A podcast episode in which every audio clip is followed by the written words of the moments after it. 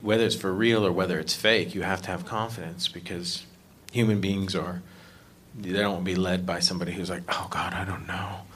Uh, what do you guys think? You know, they, they want somebody who's going to definitively say, here's what we're going to do, and this is going to be righteous and God fearing, and that, that's the way it has to be. And um, so when you when you go when you go to a crew, you turn to 90 people, you know, and, and you have all these faces sort of looking at you like, what do you want to do next? Um, which is a terrifying thing. It takes you 10 or 15 years to get comfortable enough to just go, dude, it's my way or the highway. You know, you, you have to you have to be able to do that. I mean, it's probably it wasn't until I was 40 that I could kind of go, here's what we're doing, here's exactly what we're doing, here's all I want, and and and mean it, and people would sort of go right away.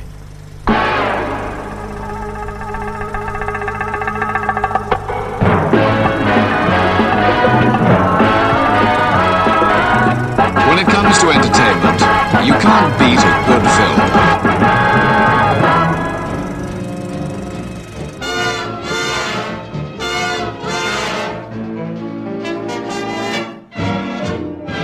When the wintry winds start blowing and the snow is starting in a fall, then my eyes turn westward knowing that's the place that I love best of all.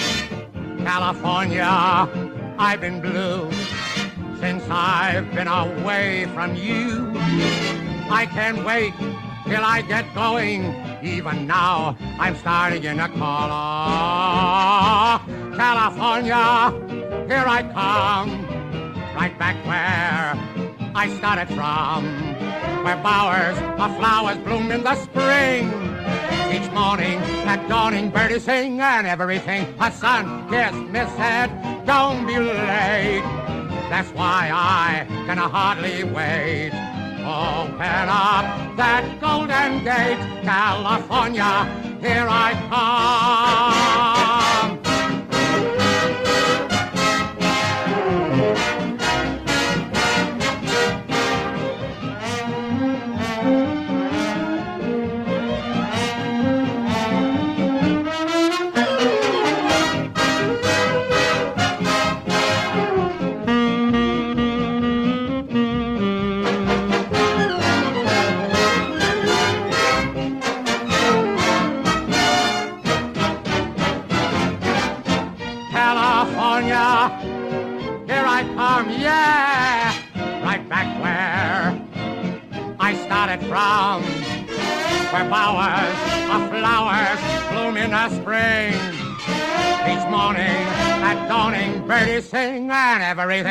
Everything. son, kiss miss said, don't be late. Ah, that's why I can hardly wait. Come on, come on. Open up, open up, open up that golden gate, California.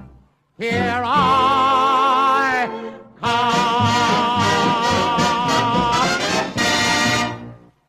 Goedemorgen, goedemiddag, goedenavond. Of wanneer je dan ook luistert, welkom bij weer een nieuwe aflevering van Inglorious Rankers.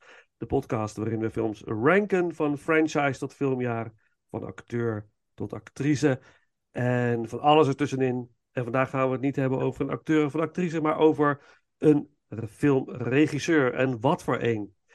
Ehm, en dat doe ik niet alleen, want Paul is er natuurlijk ook weer bij. Paul, hallo. Hallo. En, ehm, en mede Inglorious Ranker die zo af en toe is aansluit. En we zijn heel blij dat hij er weer bij is. Deze keer. Eh, ja, zeker weten, Ivar. We zijn echt blij dat je er weer bij bent. En dat is Ivar Schutte. Hallo. Goedenavond, morgen, middag, whatever. Daar zijn we weer. Daar zijn we, ja. Ivar, Yes. even voor, eh, voor de luisteraars. Hoe, hoe is het met jou? Ja, het gaat goed, Vincent. Eh, veel, veel in de bioscoop te vinden de laatste tijd, dus dat is goed. Ja, mooi zo. Het is zo fijn dat alles weer open is dat je kan gaan wanneer je wil. Ik heb echt zoveel mooie films gezien de afgelopen tijd. Hmm. Dat is echt wel tof. Het, het is zelfs zoveel aanbod op dit moment dat je er ook gewoon kan kiezen om de slechte films gewoon niet te bezoeken. Dat je denkt, ah, die laat ik even voorbij gaan. Zoals eh, Ja. Ant-Man, eh, Quantum Leap of hoe heet dat ding? Oh, ja. lekker naartoe. Maar prachtige films gezien. Dus, eh, Mooi, mooi. Aanrader. Ja, heb je een aanrader? Iets wat je zegt van nou, dat heb ik onlangs gezien en dat... eh, ah, ik vond After Sun echt fantastisch. Die heb ik eh, Ja. onlangs gezien. Eh, maar we hadden het net even over Scorsese. Ik was een week of drie geleden in Londen. En daar heb je het grootste IMAX-scherm van de UK. En daar draaide ze maar één voorstelling. En dat was Taxi Driver. En die had ik nooit in de bioscoop gezien.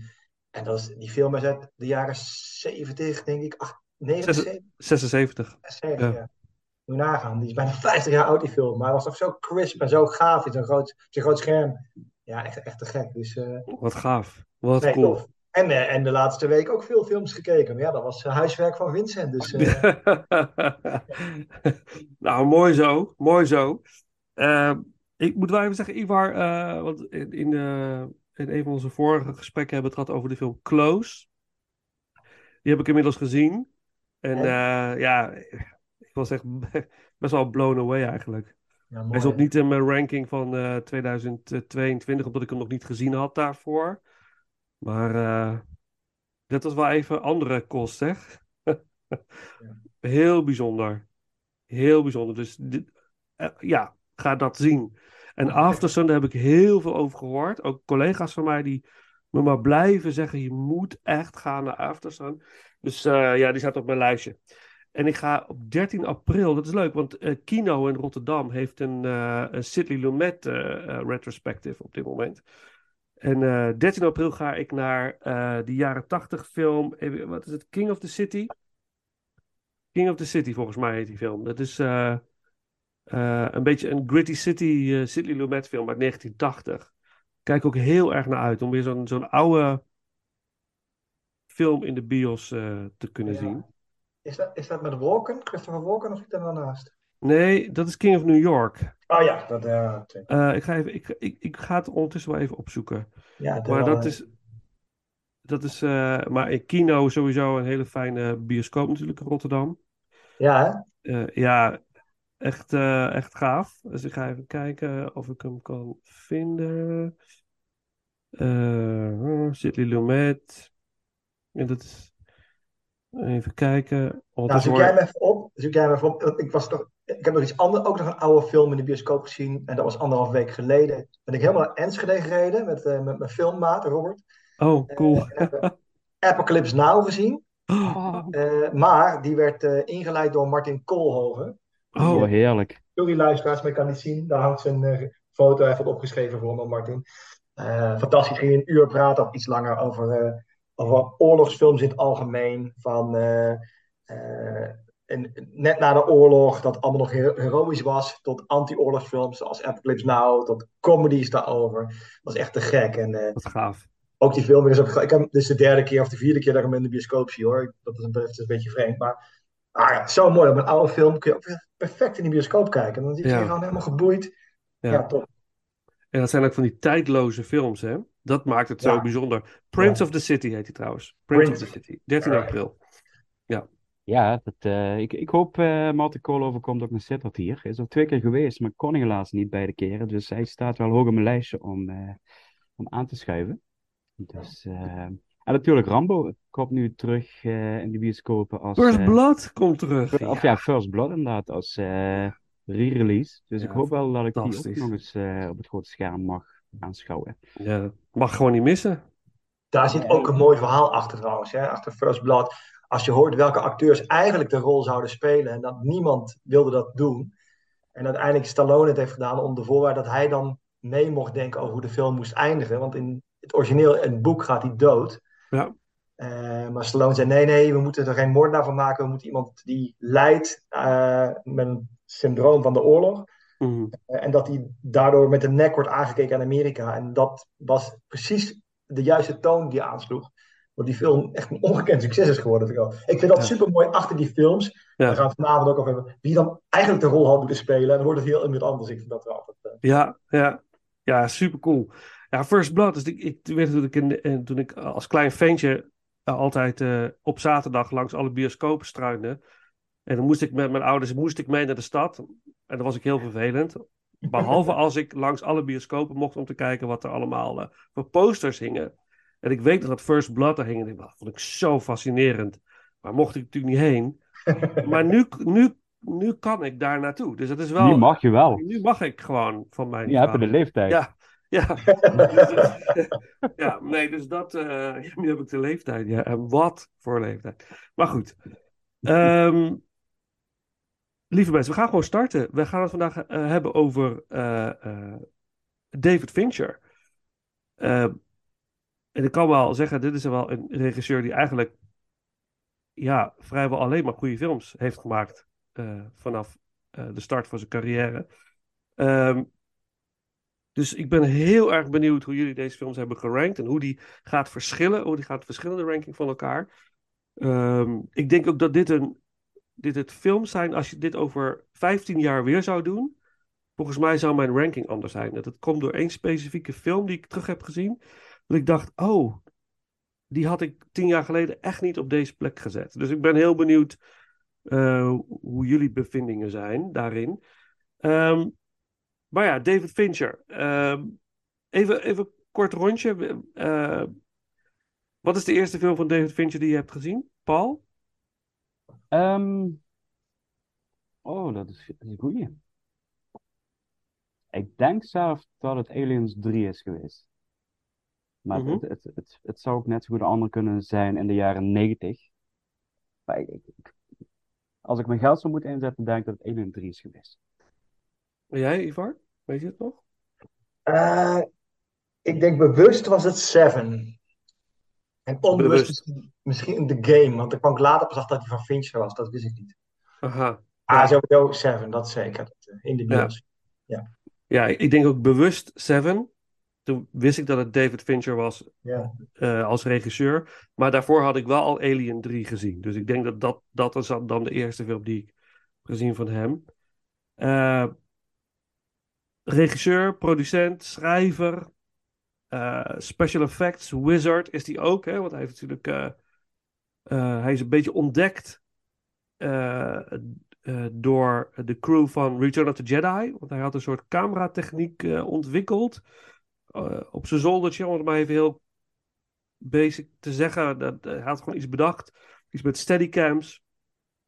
En dat werd opgevangen door de special effects makers van Return of the Jedi. En die hebben hem daar soort van uh, bij betrokken. Dat was zijn eerste grote filmervaring. Daarna is hij vooral uh, music video's gaan uh, regisseren. Dus hij heeft echt enorm veel music video's gemaakt van Madonna,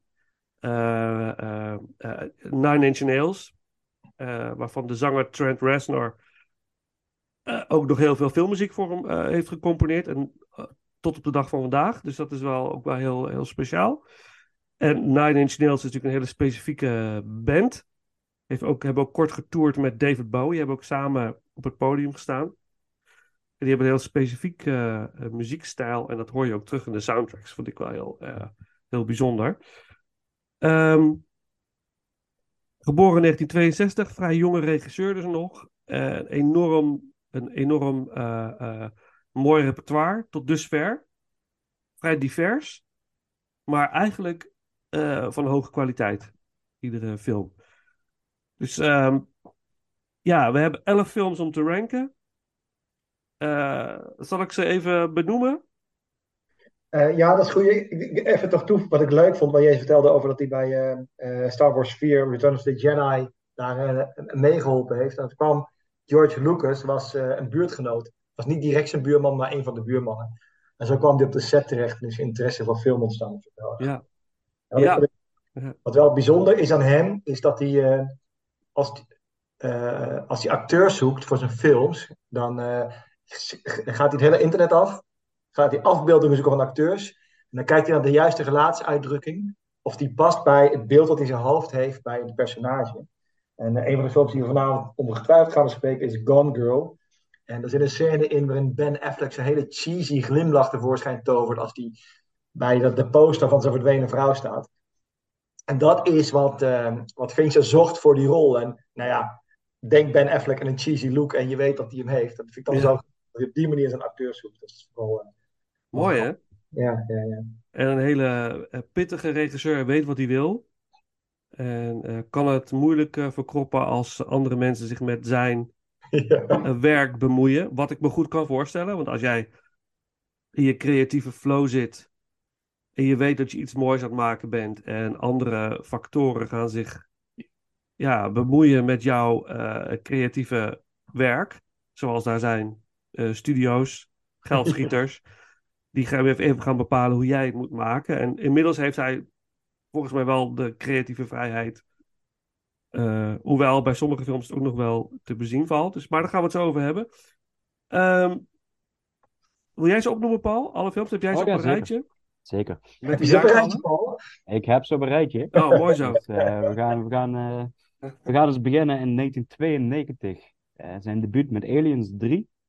Eh, Alien, 1995 Alien 3. Sorry, even- Alien 3. Zonder Ja, S. helemaal, Ja. helemaal gelijk. Eh, even kijken. 1995, Seven. 1997, The Game. 1999, Fight Club. Eh, 2002, Panic Room. Dan gaan we naar 2007 voor Zodiac. 2008, relatief snel daarna kwam The Curious Case of Benjamin Button. Eh, 2010, The Social Network. 2011, The Girl with the Dragon Tattoo. 2014, Gone Girl. En de laatste momenteel is Mank uit 2020. Maar dit jaar gaan we ook nog, als het goed is, verhuld worden met een nieuwe film van David Fincher. En En dat is? die heeft de iconische titel The Killer. En dat is volgens mij een Netflix-film. Mm. En dat is met Michael Fassbender in hoofdrol. Tilda Swinton. En Tilda Swinton inderdaad. En dat gaat inderdaad over een huurmoordenaar, als het goed is. Ja, die, eh, die een geweten ontwikkelt. En dan denkt, eh, dat is best wel lastig als je huurmoordenaar bent en je hebt ineens een geweten. Ik. Dat is niet best. Maar dat is ook niet iets wat we de eerste keer zien, toch? Nee, nee.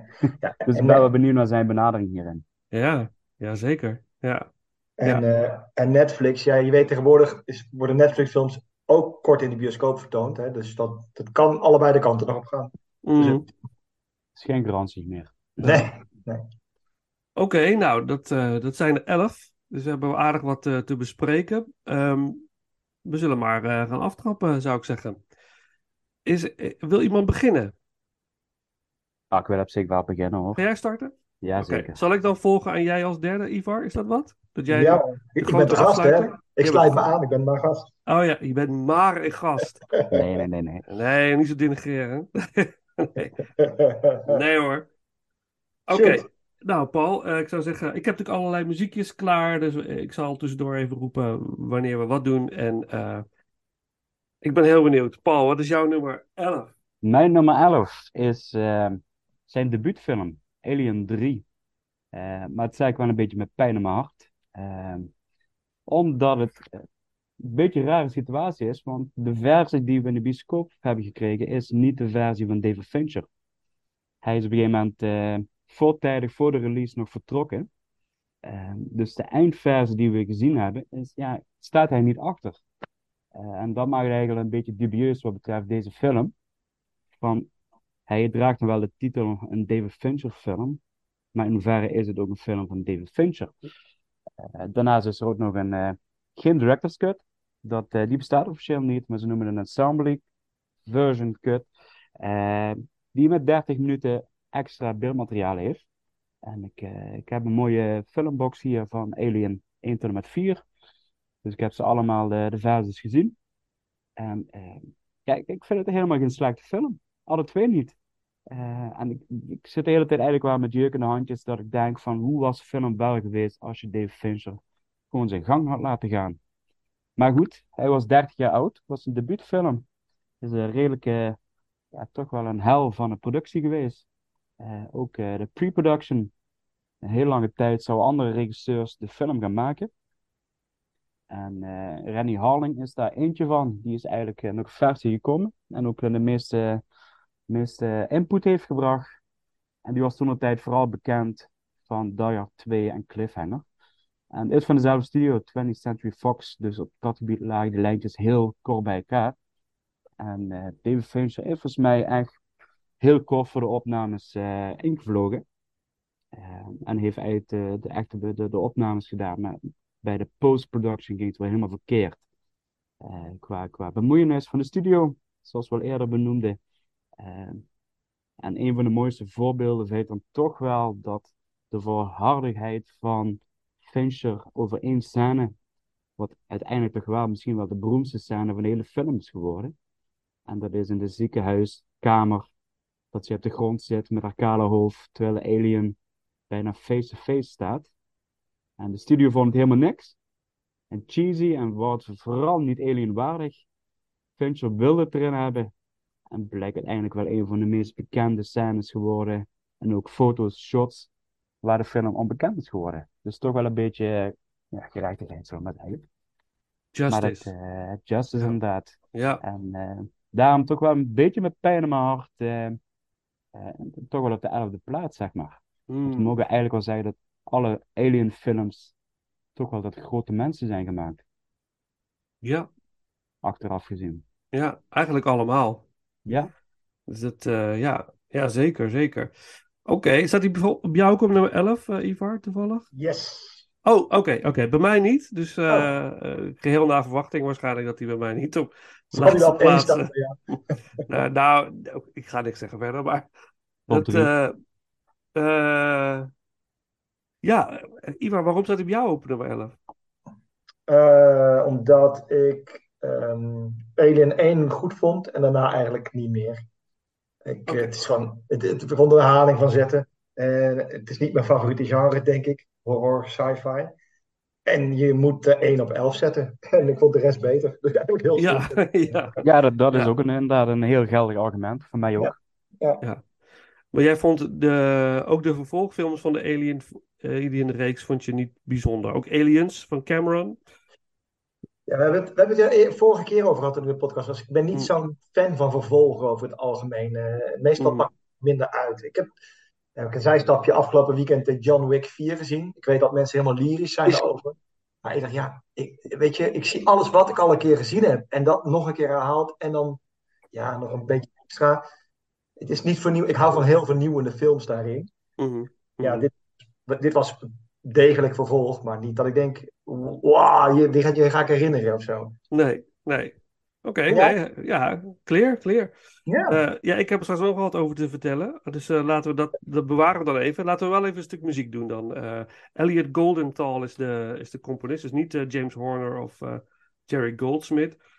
Ehm, en we doen de Adagio, dus het laatste, laatste scène uit de film. Die trouwens ook in de assembly cut anders is dan in de bioscoopversie.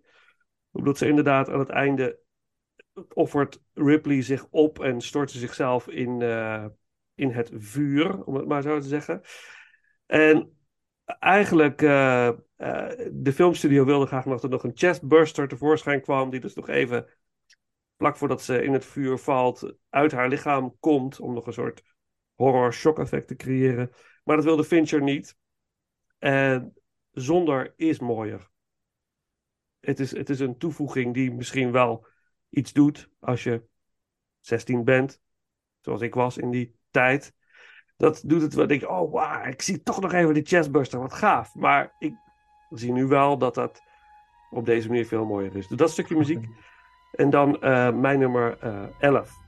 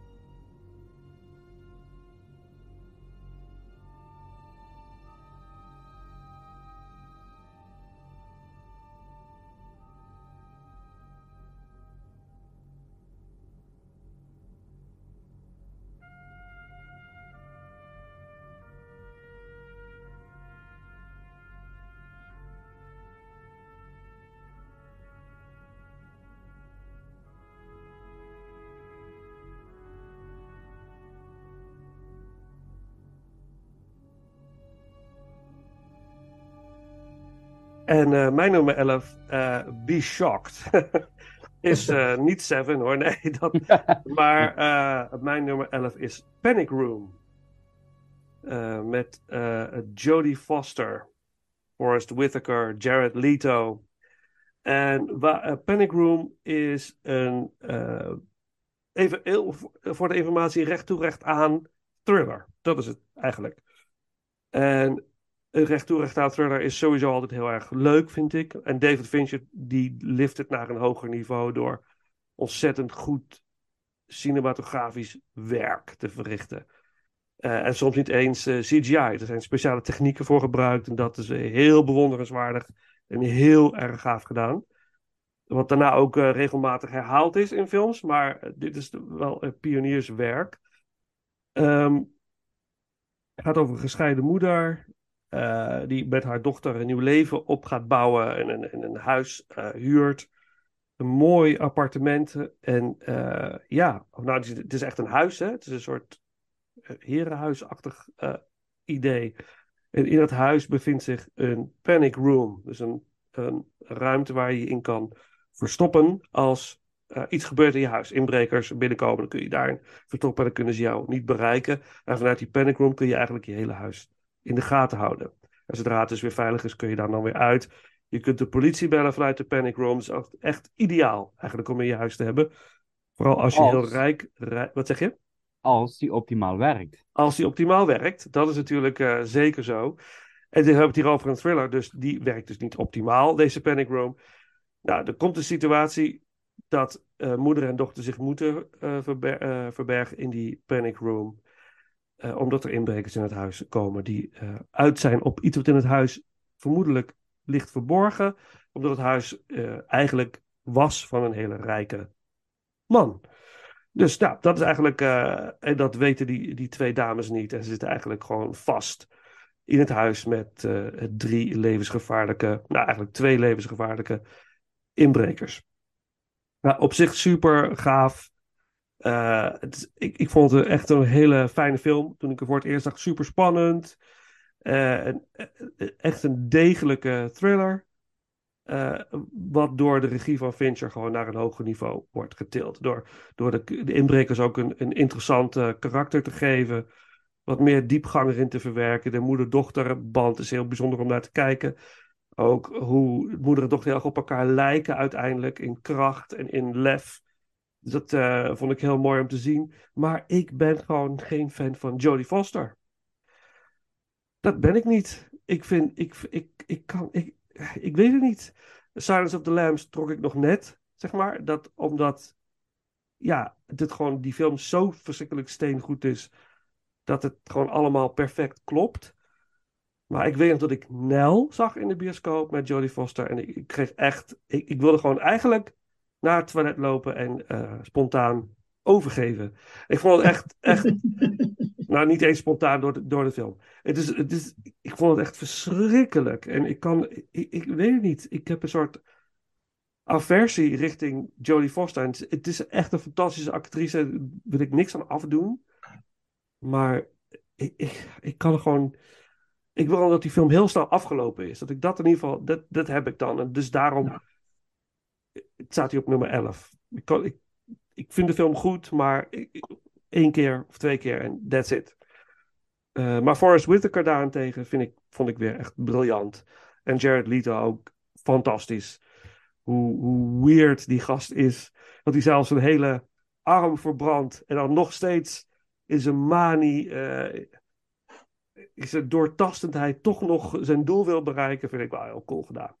Dus dat. ehm, vandaar, eh, dat is mijn nummer 11. Dus, eh, Grappig, wat grappig over Jodie Foster. En we hadden het van de week over een andere acteur, Christopher Lambert, waar jij nog bent. Dat vind ik ook zoiets, ik kan daar niet naar kijken. nee. Maar Jodie Foster, ja, ze is vier keer genomineerd voor een Oscar, heeft er maar liefst twee keer gewonnen. En ik vond Ja. in Silence of the Lambs, weet je, in Silence of the Lambs past ook echt bij haar, omdat ze tegenover Hannibal Lecter staat. En dan Ja. is ook flegmatiek als maar kan. Er zit nul gezichtsuitdrukking in. En dat past die wel heel goed. Maar ik zat te denken, ik heb van de week John Wick gezien. Ik denk als Keanu Reeves en Jodie Foster kinderen krijgen, die hebben dan he- die, zijn, die hebben geen gelaatsuitdrukking meer. Dat zijn gewoon gezichten, denk ik. Ja, ik had hetzelfde. Ik heb, Oh. heel bijzonder, deze...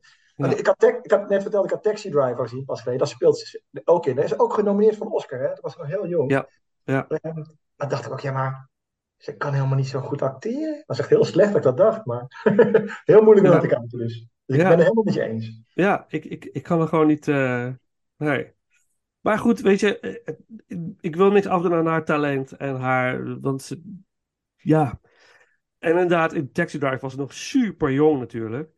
En, en Jodie Foster komt nog terug straks bij een andere film van David Fincher. Ik hoop dat jullie dat ook ergens hebben genoteerd. Maar dat is ook wel interessant, maar dat komt later. Dat is, dit is mijn nummer 11. Dus ehm, is het toevallig een van jullie nummer 10's? Ja, voor mij wel. Aangezien Jouw ik jouw nummer tien. stokje toch overneem. Dus ehm, ehm, ik dacht dat Ivo wat wilde zeggen. Nou ja, ik wil zeggen, bij mij ook, op 10. Oh, bij jou ook. Oh, oké. mooi zo. Oké, Ja. goed. Dan kunnen we, Ehm, gaan we erop door. Ja. Nou, ik ga op de, de- ik, ik ga erop door. Ehm, eigenlijk heel simpel gezegd van, de- de- ik heb hem toen de tijd in de bioscoop gezien. En volgens mij is het ook mijn eerste film van Fincher die ik in de bioscoop heb gezien. Eh, was toen een, gewoon een goede, goede thriller. Eh, maar deze film heeft eigenlijk gewoon ja, de tand destijds niet doorstaan voor mij. Eh, ik heb hem afgelopen week weer gekeken, ter voorbereiding voor deze opname. En eh, ja, ik, ik, vond hem eigenlijk een heel stuk minder. Ik, ik was niet meer zo onder de indruk van de eerste kijkbeurt. Ik heb hem daarna ook niet vaak gezien, maar ik heb eigenlijk alle films van Fincher heb ik niet vaak gezien op een enkele na. Eh, ik wil eigenlijk altijd wel eens een beetje vers houden, zeg maar, en ook een beetje spannend. Dus daarom dat ik ze niet te vaak kijk. Ehm, voor de rest, ja, ik vind het eigenlijk gewoon een leuk nuancedalletje. En ik denk oprecht van als het in de handen van de verkeerde regisseur was gevallen, eh, met een ander kaliber acteurs, dan was het eh, waarschijnlijk gewoon straight to DVD geweest. Eh, eh, het is, het is redelijk een, een heel klein, ja, simplistisch verhaal wil ik het niet noemen, maar het is ook niet het meest intelligente verhaal wat je in de oeuvre van eh Fincher voorbij gaat zien komen. Ik had hem graag gezien met Christopher Lambert en zijn zoon in de Panic Room. Mooi.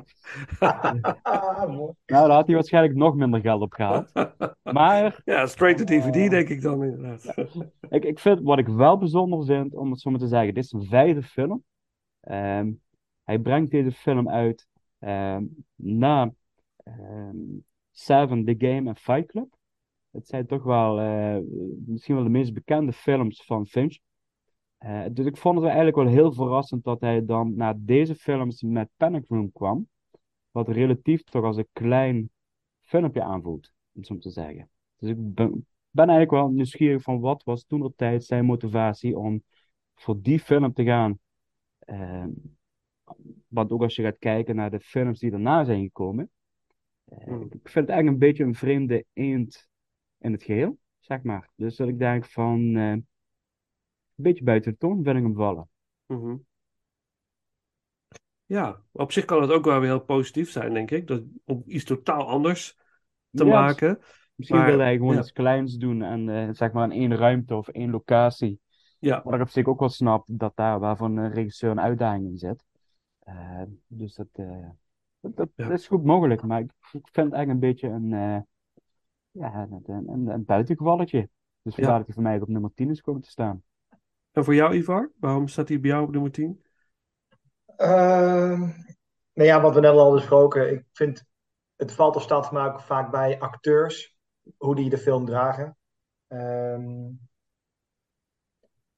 het was oké, maar ook niet meer dan dat. Als je kijkt naar zijn ander werk, vind ik gewoon veel beter. En eh, er is wel een bepaalde suspense in te, in te krijgen. Wat ik wel grappig vind, weet je wie eigenlijk de rol van Jodie Foster zou spelen? En dat ook, we zijn ook begonnen met de opname met die andere actrice, Vertel. Nicole Kidman. Ah, En het grappige is, Nicole Kidman, ze, ze ze hebben iets van 18 dagen met haar opgenomen. Maar ze had nog zoveel last van de knie na Moulin Rouge, want hij heeft allemaal wat uh, spingen genomen, dat ze moest opgeven. Maar ze komt nog wel terug in de film, want op een gegeven moment belt Jodie Foster midden in de nacht haar ex-man op. En dan neemt de bitchy girlfriend op, en dat is Nicole Kidman. Dus ze zit Oh, met echt? Oh, leuk. oh, wat grappig. Dat is, eh, dat is heel grappig. Maar wat, Oh. ook, wat ook grappig is, is dat die panic room, daar heb je twee van die groene lasers in gemaakt, weet je wel, die dan detecteren als je naar binnen komt of niet. En die Panic Room is helemaal nagebouwd natuurlijk. Het is geen echt, die is set nagebouwd. Maar die was gebouwd op Nicole Kidman, die iets van 5 tot 20 centimeter langer is dan, uh, dan uh, Foster. Waardoor Foster iedere keer als hij die Panic Room inliep, de laser precies in de ogen kreeg. Dat vind ik zo. dus dat vind ik het leukste aan de hele film. Dit is ja. van verder de film niet heel veel indruk op. Nee. Ik had, las ook ergens dat, dat Fincher, uh, dat is ook weer zo'n creatief idee. Hij wilde de film in, is zo donker mogelijk maken. In ieder geval pitch black wilde hij het eigenlijk. Uh, dat was wel echt intens geweest als je zo'n film zou maken die echt... Uh, dat het voornamelijk op suggestie gaat, hè? op gevoel en geluid. Dat is wel heel fascinerend. Ja, ja, ja. ja. Ging ja, nooit meer akkoord, maar... Nee, en net, wat ook wel grappig is, ik ben even de naam kwijt van de, de meid die de dochter speelt. Uh, ja, Kirsten Stewart. Stewart. Die, als je goed kijkt naar de film, wat Fincher vaak doet, uh, sowieso doet hij, uh, hij doet nooit one takes. Hij doet altijd heel, heel veel takes, omdat hij wil dat die acteurs helemaal in die rol komen, tot vervelend aan toe. Maar hij filmt ook vaak in de juiste volgorde. Dus dat is niet altijd zo. Hè? Films worden vaak opgenomen in verschillende stukken en dan gemonteerd in de juiste volgorde. En hierdoor zie je dat uh, die Kirsten is in het begin van de film is ze, uh, kleiner dan Jodie Foster. En aan het einde van de film is ze langer dan Jodie Foster. Zo lang heeft oh, die, die meid als zo'n groeispurt.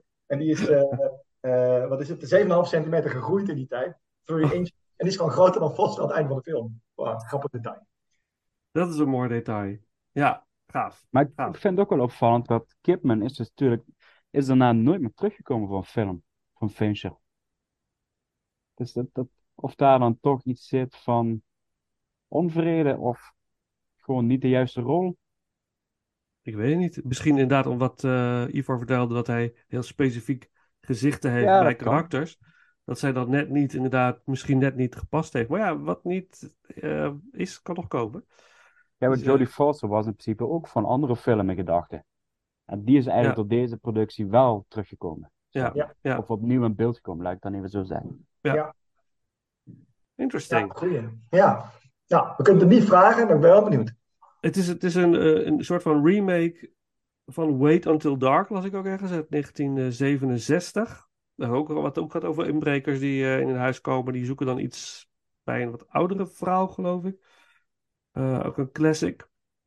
En um, een succes was het geweest. dus het is wel interessant. Het is natuurlijk wel een, een, een, een, geweest, deze film. Uh, Panic Room. Oké, stuk muziek dan maar. Uh, jullie nummer 10, mijn nummer 11. Dus dan kunnen we zo naar mijn nummer 10. Uh, de muziek, de main titles door Howard Shore. Die ook al een aantal keer terugkomt in voor films van David Fincher. Um, nou, gaan we daar naar luisteren. En dan mijn nummer 10.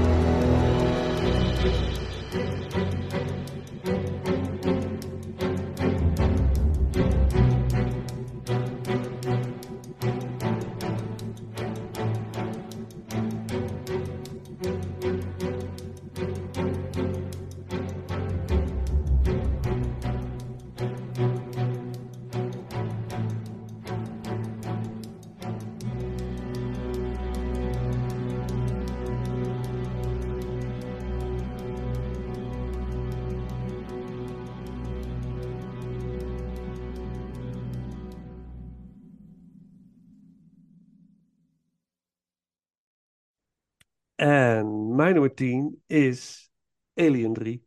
Dus het sluit weer aan. Alien 3. Ja. Ik, ik weet nog dat ik hem in de bioscoop zag met mijn vader. Ehm, was ik 16 en toen ging ik die, naar die film. En ik weet nog dat eh, ik was heel grote fan van Aliens. Eh, en nog steeds. Dat is eigenlijk denk ik mijn favoriete Alien film. Maar ehm, dus ik had hoge verwachtingen van Alien 3. En ik weet dat hij me destijds heel erg tegenviel. Uh, dat ik niet het actiegehalte van de James Cameron had niet dezelfde spanningsopbouw als de films van Scott en Cameron.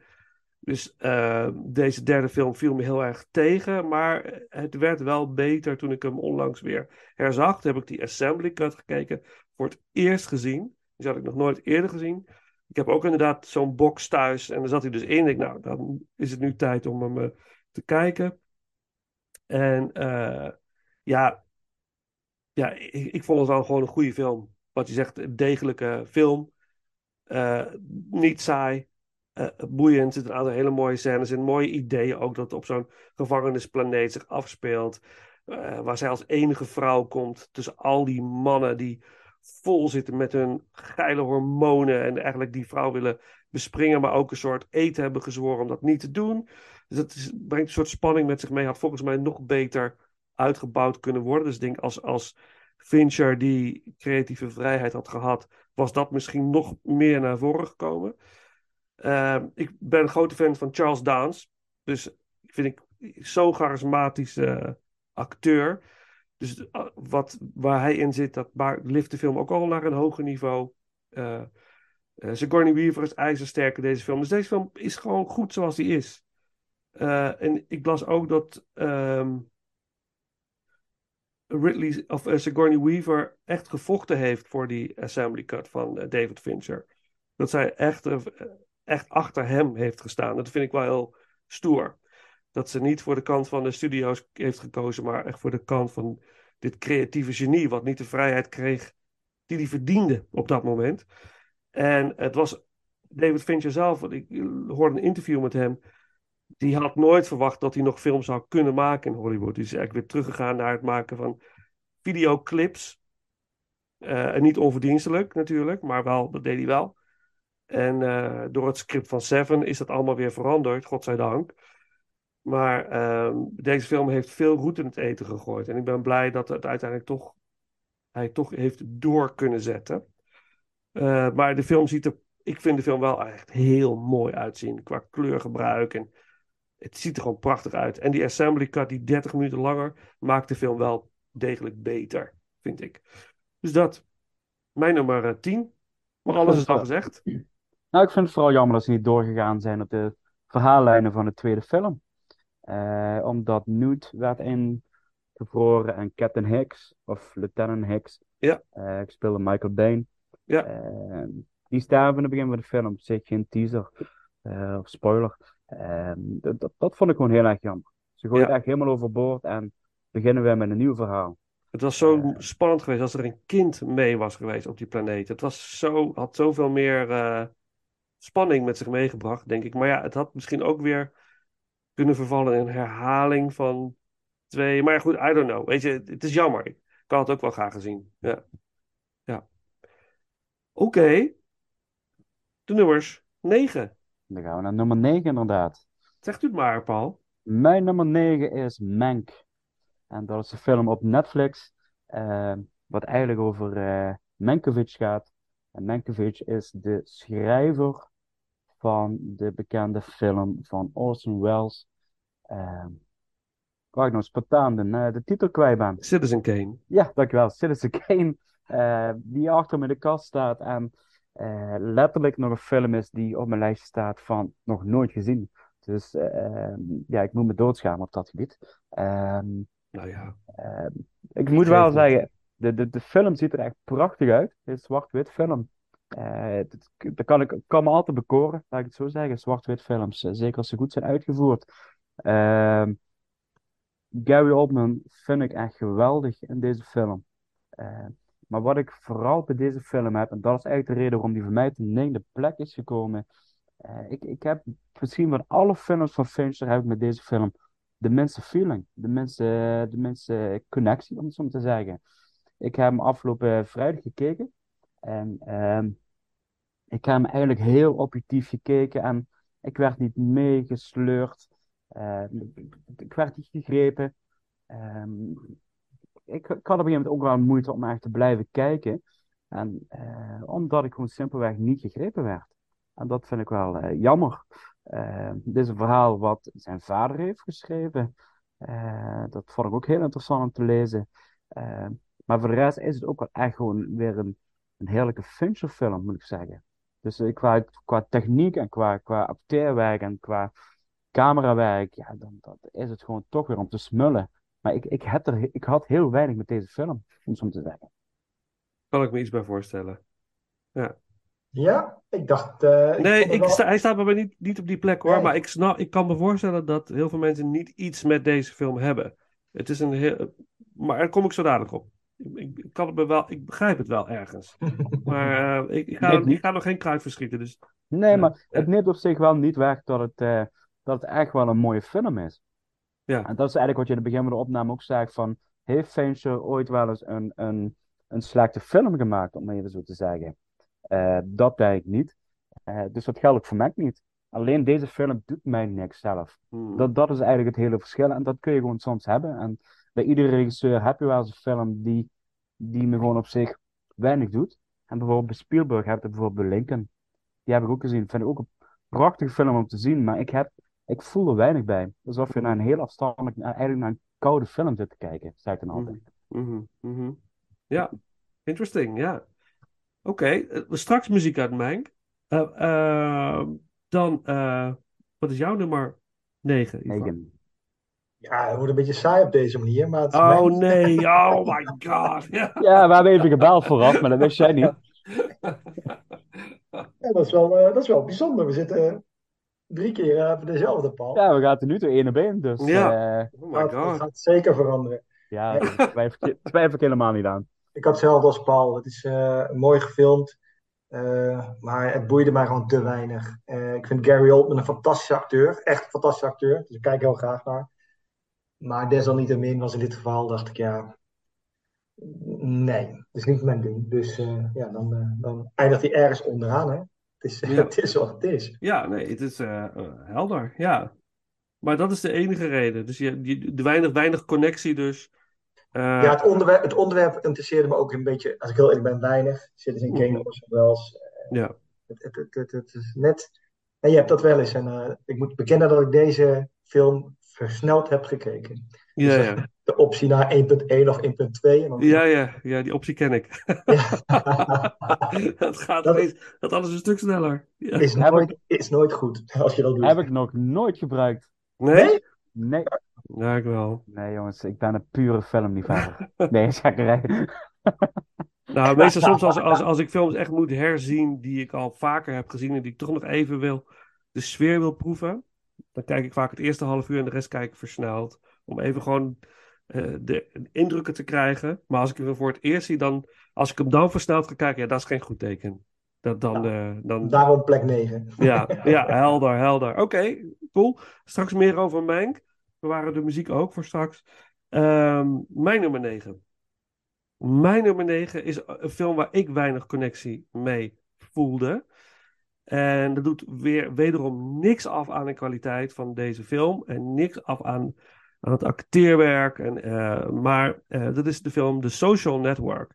Mm. The Social Network staat bij mij op nummer 9. Um, ehm, ja, dus al een bekende verhaal over uh, de oprichter van Facebook en alle struggles waar hij mee te maken krijgt om dit, ja, Facebook te lanceren. En op zich, het hele gegeven vond ik heel interessant. En vooral ook, ik wist het niet dat Mark Zuckerberg eigenlijk soort van, misschien wel een beetje het idee gestolen heeft van twee, twee andere jongens. Waarmee hij, um, die een soortgelijk idee hadden. Maar hij, Zuckerberg, had gewoon de skills om, om er iets van te maken. Hij kon dit tot een succes brengen. En dat is, als ik, ik, zat er, ik zat naar die film te kijken en dan is het soms een beetje. ja, inderdaad een beetje koud. Hij is een beetje kil, Zuckerberg. Hij is een beetje licht autistisch, weet je. Van, hey, dit is wat ik ga doen. En dat, dat is fantastisch mooi neergezet. Eh, Echt, echt waanzinnig. Eh, en eh, dat, is, dat is ook echt wel interessant. En wat ik heel gaaf vind, is dat eigenlijk heel veel creatievelingen in, in, in de kunstwereld of waar dan ook, die pikken ergens wat op en die maken daar wat van. Hè? Je geeft het eigenlijk door. Het is, eh, eh, je krijgt een, een, een, inspiratie door iets en dan maak je iets. En als jij de skills hebt om daar iets moois van te maken, dan wordt dat iets groots. En dat heeft hij gedaan. En eh, ik weet niet of, ik- of ik het nou goed kan praten of niet. Maar ja, Facebook is natuurlijk wel nu, ja, come on. Biljoenen per dag, volgens mij zelfs. Wat ze via Facebook binnenhalen. Dus dat is heel, heel bewonderenswaardig. En alles ontstaan door eigenlijk een afwijzing van een vrouw. Dat vind ik ook weer zo, zo bijzonder. Dat dat zoveel impact op je heeft.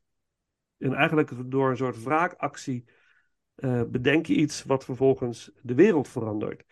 Heel bijzonder. Dus dat is een once in a lifetime ding. Of een- wat in iedere generatie ergens een keer gebeurt. Dat iemand iets revolutionairs bedenkt. Dit is zo'n moment.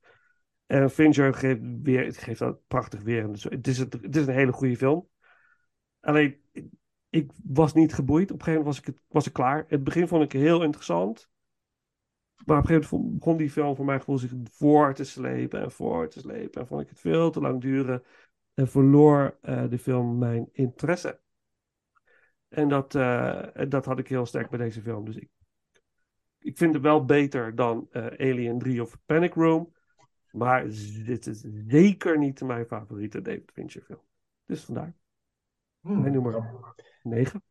Interessant. Bij mij komt hij wat verder, wat hoger. Ik, vond, eh, ik heb hem nooit gezien. Dus dit was van de week voor het eerst heb ik hem gekeken. Omdat ik er tegenop zag. Omdat ik één, nou hij luistert toch niet, Mark Zuckerberg echt een eikel vind. Ik Denk, wat een, wat een nare vent. En ik moet eerlijk zeggen, de acteur die hem speelt, eh, Jesse Eisenberg, ben ik ook geen groot fan van. Hmm. En, maar toch weet Fincher het zo interessant te maken. Dat ik, ik was wel echt geboeid, moet ik zeggen. Het was echt een stuk beter dan ik had verwacht. Dat is wel grappig. Dus dat is ook wat deze ranking met je doet. Je gaat films kijken die normaal opzij, nou, dat is niet kijken. En dan moet je wel Ja, verrassen. dus ja, ik, ik, vond ik, ook, ik vond hem ook verrassend goed. Dat, het is gewoon, gewoon echt een goede film. Maar ja, bij mij boeide het op een gegeven moment echt totaal niet meer. En Mark Zuckerberg, ik kan je aanraden. Er is een heel leuk interview met hem, eh, met Joe Rogan. Eh, De Joe Rogan Experience. eh, ik luister maar eens 2,5 uur of zo. Ja, maar het is echt bizar wat hij allemaal vertelt. Over als je hem hoort praten en wetende wat hij allemaal al heeft gedaan. En hoe hij de toekomst uitstippelt over wat, waar wij naartoe gaan in de virtual world. Wauw, dat is wel echt even heftig hoor. Dus, eh, Ja, maar niet gezond. Ja, en dat is ook weer een discussie waard, want iedere generatie heeft. Wij zijn ouder. En onder nieuwe generatie gaat dit oppakken, die virtual world. En dat, is, dat, eh, dat gaan wij dus ja, minder goed vinden of ongezond. Het is het misschien ook, maar voor de nieuwe generatie wordt dat het. Dat is, Ja. is zorgwekkend. En van de andere kant is het ook weer iets wat onze generatie dan weer moet gaan loslaten of gaan accepteren. Ik vind dat heel, het is een heel fascinerend eh, proces, vind ik. Het is verandering, hè. Alles is onderhevig aan verandering en dan moet je in mee, Ja. want het is het afgelopen met je. Ja, Maar Ja. wat- ik vind het wel grappig, je luistert even het interview. Het, het is 2,5 uur. Dus toen dacht ik even, wow. Maar dat viel me wel op aan alle films van Fincher, dat ze zo lang zijn, joh. Ja. Er is geen film onder de 2 uur. Het is allemaal 2,5, 2 uur, drie kwartier. Hij neemt wel de tijd voor zijn films. ja, ja, ja, ja, ja. Je krijgt wel waar voor je geld. In ieder geval beeld, beeldmateriaal. Ja. Eh, Oké, hij komt nog terug bij jullie. Dus eh, mijn nummer 9 is een social network. Bewaren we de muziek ook voor straks. Dan gaan we naar de nummers 8. Ja, en nummer 8. Ja, we gaan gewoon lekker door met Social Network. Het staat bij mij op nummer 8. niet waar zijn. Ik heb het idee dat die eh, niet bij Ivar op nummer 8 staat. Dus eh, we gaan hier ieder onze eigen koers merken vanaf dit moment. Ja. Eh, even kijken. Nou ja, je hebt eigenlijk al best veel gezegd waar ik me eigenlijk bij aansluit. Ik vind het wel een prachtige film qua acteerwerk. En waar, waar mensen echt bij mij op de, eh, in de kijker zijn komen. eh, zeg dat, zeker in de kijker hebben gespeeld. vooral jonge acteurs. Ik denk dat het voor mij ook wel een van de eerste introducties was voor Andrew Garfield. eh, als, als echt een acteerkanon. En ik, ik word nog steeds meer fan van deze man. Als ik zie wat hij allemaal doet. Ehm, Justin Timberlake vond ik echt positief verrassend. Ehm, Ja. Rooney Mara, die, die echt de show speelt. Maar ook, eh, dat wil ik toch ook wel even nog vermelden, dat eh, Arnie Hammer een tweelingrol speelt. Eh, en dat zijn gezicht gewoon de, hele film, of alle scènes dat ze als tweelingen spelen, gekopieerd en geplakt is op een ander gezicht. Dus hij heeft voortdurend twee rollen gespeeld. En ja, wat we ook van deze man vinden, maar even zo te zeggen, ja, acteren kan hij wel. En dat heeft hij in deze film laten zien. En Hij heeft een goede stem, man. Die man. ook, ja, Ja, hij is, eh, goeie hij zou ooit ook in zijn ver verleden, volgens mij, eh, de, de, de, de nieuwe Batman zijn geworden. Hmm. Eh, de, de versie van George Miller, als hij ooit zijn Justice League had mogen maken, ehm, was hij als Batman eh, uitgekozen. Ehm, dus ja, dat is wel heel interessant op Superman. Een van die twee grote helden. Ehm, eh, dat is voor, en dan krijg ik wel een beetje de, de, de, situatie dat deze film. eh, dan zijn andere films in mijn optiek vind ik beter dan deze film. Eh, en dan, dan, begint het, dan, dan begint het gepuzzel en het, ges- het geschuif, om zo te zeggen. Ehm, en daardoor is hij bij mij op de achtste plek gekomen. Leer. Ja? Goed het even vermeldt. Dat voor die, eh, die tweeling rol. Ja, het is heel fascinerend. Gosling Brothers, toch? Of Ja, ja, maar je ziet het gewoon niet terug. En dat is zo knap gedaan. Ja, dat is echt heel knap gedaan. Top Ja. gewoon. Oké, dat is jouw nummer 8. nou, is die ook voor jou, jouw nummer 8, Ivar? Nee, nou gaan we hoor, daar gaat het gebeuren. Oh ja, oké. Nou, nou gaan de mensen waarschijnlijk, hè? Mijn nummer 8 is eh, Zodiac. Wow, dat is echt wel een big shock. Ja, ja, ja, ja. Ja, daarom, weet je. Ehm, Zodiac eh, gaat over de Zodiac Killer. Die eh, eh, verdacht wordt van meerdere moorden op tieners, jonge vrouwen met name. De, een of andere reden, als hij stelletjes aanviel, overleefde de man het vaak, maar de vrouw was, was aan de beurt. Ja. Met ehm, Mark Ruffalo als, als politieagent detective. En Jake Gyllenhaal als ehm, eigenlijk een cartoonist bij een grote krant. Die, ehm, eh, die Zodiac Killer stuurt brieven in codetaal naar verschillende kranten na een moord. Ehm, komt op het bureau van Robert Downing Jr., die eh, Avery speelt. Eh, overigens was Brad Pitt eerst voor die rol in gedachten, maar uiteindelijk werd het Robert Downey Jr. Brad Pitt eh, en ehm, David Fincher zijn dikke vrienden. Ehm, ik vind de sfeer. Ik, ik, ik, had hem, ik had hem één keer eerder gezien. En ik dacht, wat was het ook weer aan die film wat me daar niet in aansprak? Dus ik heb hem nog een keer gekeken. De sfeer is prachtig. Eh, hoe het gefilmd is, is heel erg mooi. Alleen, ik haat het wanneer er geen oplossing is. Weet je? Ah. Spoiler, spoiler, spoiler alert. Maar we komen er nooit echt achter wie de Zodiac Killer is. En dan heb ik tweeënhalf uur zitten kijken. En dan heb ik zo'n onbevredigend gevoel. Hmm. Ja, denk ja, ah, weet je, het is ergens een interessant verhaal. Maar ik vind het gewoon, ik vind het gewoon ruk dat ik niet weet. En ze hebben wel een verdachte en het is most likely dat hij het is. Eh, maar die man, eh, Arthur Lee Allen, die, eh, waarvan ze denken dat hij die Zodiac is, die, in het echt sterft hij aan een hartaanval net voordat hij opgepakt kan worden. Ja. Daarna zijn de moorden wel gestopt en ook alle brieven die verstuurd werden constant na moorden werden zijn gestopt. Dus alles wijst erop dat hij het was.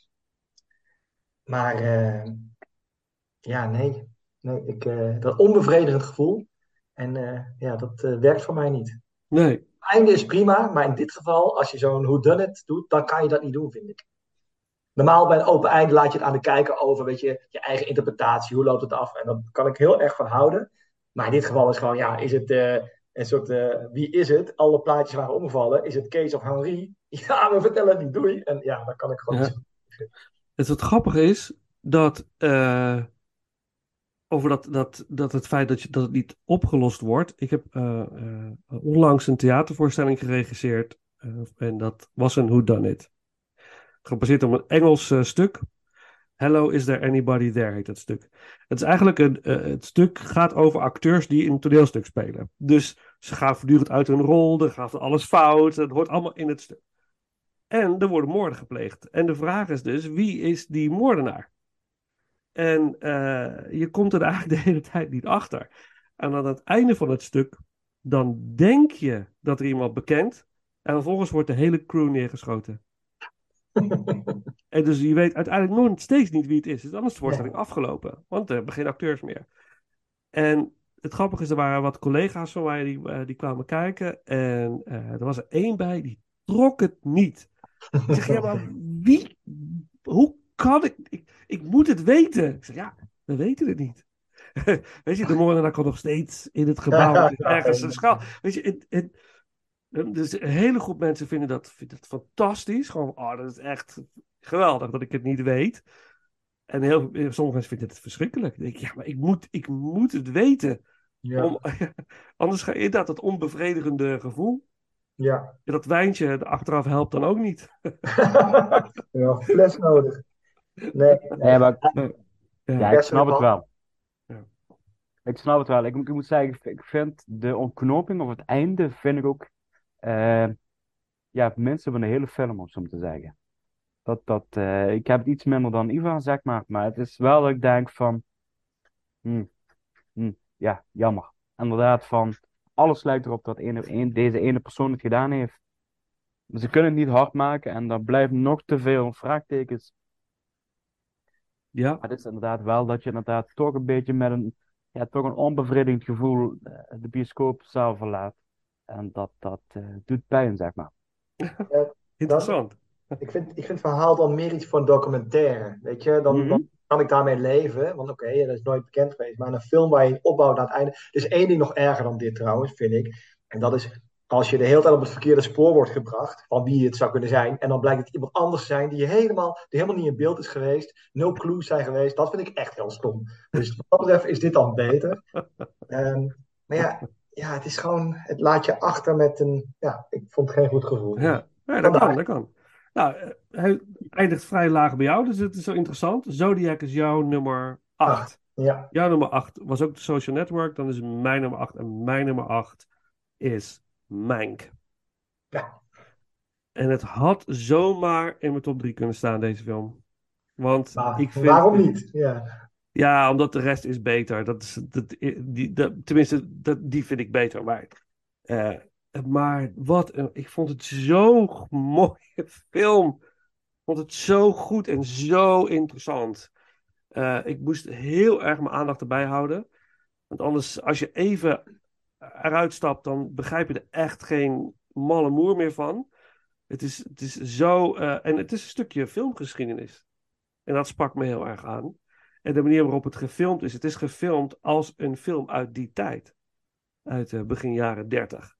Dus als ze zeg maar eh, dialoog hebben in de buitenlucht. Dan klinkt het alsof ze in een studio zijn. Dat vond ik, vond ik zo gaaf. Ik denk, ja, dat is een beetje zoals eh, The Wizard of Oz met Judy Garland. Dan loopt ze zeg maar over die cornfields aan het begin van de film. En dan heeft ze een gesprek. En dan klinkt het alsof ze op een podium staat. Terwijl ze gewoon in, zich in de buitenlucht eh, begeeft. En dat doet, dat doet deze film ook. Eh, En, en dat, dat, ja, dat triggert me dan gelijk al. En dan denk ik, ja, dit vind ik echt fantastisch hoe dit eh, is gedaan. En Gary Oldman is briljant. En hoe de film is, is ge- gemonteerd. Dus Het is eigenlijk een Citizen Kane in deze film zit verborgen. Het hele, de hele lijn van Citizen Kane is ook de lijn die Mank volgt in deze film. Ja, dat Het vind ik stipje is weer geniaal. terug, hè? Het stipje is weer terug. Ja, het stipje komt terug, maar ook het feit dat wat hij schrijft, ondertussen in die film, dat, dat, dat gevoel zit in die film. Hè, de structuur is een beetje hetzelfde als in Citizen Kane. En, het, en dat vond ik, eh, ja, ik vond het zo. Op een gegeven moment had ik dat door. Toen dacht ik, ja, dit is meesterlijk. Dit, eh, het, het feit alleen al dat je zo'n film moet monteren op deze manier. En het zo kloppend te krijgen, dat is, dat is, dan heb je echt, ja, dat is vakwerk. Dat, Mm. echt, echt briljant. En natuurlijk zit Charles Dance er weer in als eh, Hearst, eh, de grote mediamagnaat die een flinke vinger in de pap had in Hollywood. Waar Gary Oldman in zijn rol als Mank heel erg tegen ageert. Dat vind ik ook, ja, Hij is een soort rebel. En, eh, en dat hele idee van, ja, wie is Citizen Kane, Kane nou echt helemaal van Mankiewicz? Of is het voor het grootste deel van Orson Welles? Want de een zegt dat Orson Welles heel veel eh, aanpassingen heeft gedaan aan het script. Dat het daarom zo'n geniale film is geworden. Maar er is ook een hele groep die zegt, nee, het officiële script van Mank is Citizen Kane. Dus dat vind ik ook een heel interessant eh, ding. En het feit dat, dat, dat deze man al een soort van opgegeven was. Hè? Zijn carrière was eigenlijk al een beetje ten einde. Hij werd een beetje gebruikt voor, voor allerlei soorten projecten. En dit was eigenlijk zijn grote kans. Dat het dan ook nog eens zo'n succes wordt. En dat hij eigenlijk te weinig uh, waardering en erkenning heeft gekregen voor, uh, voor deze film. Maakt het ook heel bijzonder. Ja, en het hele tijdsbeeld. Ja, fantastisch. Echt geweldig, maar niet voor iedereen. Ik, maar, ja. maar dat, dat, ik, want ik dacht, dit is echt een film voor jou. Ook vanwege wat Ja. je net vertelt. Het is een beetje theater. Je bent natuurlijk Ja. theatermaker. Ja. Dan verbaast me wel dat hij niet hoger staat bij jou. Wat, wat heeft ervoor gezorgd dat hij niet verder is gekomen? Ja, eh, toen ik hem, toen ik hem zag, toen dacht ik wel, ja, die gaat in mijn top drie. Maar ja, na het herzien van andere films denk ik, nee, dat- ik vind Mm. toch wat er komt, toch gaver om naar te kijken. Ja. Het is niet, dit is niet een film die ik. Ja, misschien, ja, ik denk dat ik hem wel vaker ga zien. Gewoon om, om voor de sfeer en om het nog verder uit te pluizen. Want het gaat allemaal heel rap. Het gaat natuurlijk met flashbacks, het is niet lineair. Dus het is heel moeilijk om, om te volgen. Eh, maar ja, het vakwerk straalt ervan af. En het idee dat, dat zijn vader dit ooit heeft eh, geschreven. En Mhm. dat zij beide te maken hebben gehad met bemoeienissen van studio's. En dat ze niet konden maken wat ze wilden maken. En dat, dat ze daar steeds mee vochten. Dat zit ook verworven, verwoven in deze film. Ja, er zit zoveel in. Eh, ja. Dus vandaar. Ja. That's it. Eigenlijk. Ja, ik, ik had inderdaad wel verwacht dat hij in de top 5 zou staan. Ja. Ik dacht Ja. ook van, toen ik, toen ik aan het kijken was, en dus eigenlijk wat Ivo ook een beetje aangaf, van, eh, dit, ja, ik dacht eigenlijk van, ja, dit is een film voor Vincent. Dit, Ja. eh, zoals ik je Ja, zo ken, zeg maar, dan denk ik van, die gaat, ja, top 3 dan niet, denk ik, maar denk top 5, dat, dat, dat zal hij wel inzetten. Ja. Dus, eh, ja, Ja. leuke verrassing. Ja, ik, ja ik, het, had eh, zo, het had zomaar gekund. Ja. ja, dat is dat ik Blond op nummer 2 heb gezet in mijn ranking 2022. Die door heel veel mensen ook echt verafschuwd wordt. Maar ik vind het schitterend. Maar, het, het- maar deze film is wel beter dan Nou ja, Blond. ik er nog eentje, Tipsy Turvy in 1999. Topsy Turvy, briljant. Ja, Ja, Dat is, maar daarom dat is, dacht ik, deze gaat hoger. ja, dat is ook echt een meesterwerk. eh, dat is echt een meesterwerk. Maar goed, ja, nou ja. eh, wat kan ik er nog meer over zeggen? Ja, het is, het is, er is genoeg over gezegd. Maar ga, ga, als, je, als je van filmgeschiedenis houdt en je wilt je wat meer verdiepen, ik zou, als, ik, als je hem niet gezien hebt, lees je eerst even in. Vooral al die karakters die worden genoemd. En ook eh, het politieke spel wat gespeeld wordt. Dus waarin, als je er een beetje inleest, is het, is het beter te volgen. Dus als ik hem nu voor een tweede keer zal zien, dan ga ik hem nog beter begrijpen. En eh, dan vallen de dingen nog meer op zijn plek. Maar eh, voor een eerste keer eh, briljant. Nou, we hebben nog geen muziek gedaan met Mank, dus die gaan we dan doen. Ook mooie filmmuziek. Trent Reznor samen met Attica Ross. En Trent Reznor staat natuurlijk bekend om, ja, het is best wel psychedelic, weird music. Maar voor deze film heeft hij heel ge- gedegen soundtrack gemaakt. Wel heel erg mooi gebruik gemaakt van eh, verschillende geluidseffecten. En dat, dat de film net een beetje surrealistisch maakt. eh, bij tijd en wijle. Maar basically klinkt het gewoon ook echt als een film uit de jaren 30. Dus dat is heel bijzonder. Eh, All This Time heet de track door Trent Reznor. En dan de nummer 7.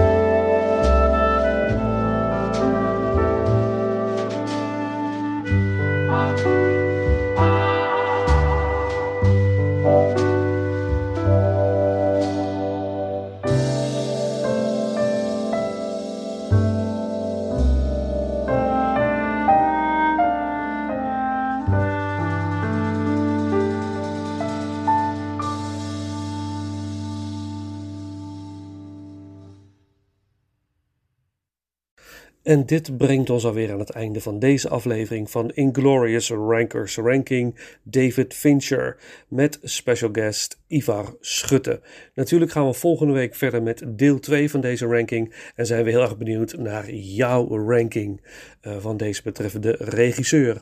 We begonnen de aflevering natuurlijk met een paar woorden van de grootmeester himself en na de intro hoorden jullie het nummer California Here I Come gezongen door Al Jolson gebruikt in de film film Mank. We gaan de aflevering afsluiten uh, met een nummer van Sly and the Family Stone, I Want to Take You Higher, gebruikt in de film Zodiac. En dan rest mij niks anders dan te zeggen, beste mensen, bedankt voor het luisteren en tot de volgende ronde.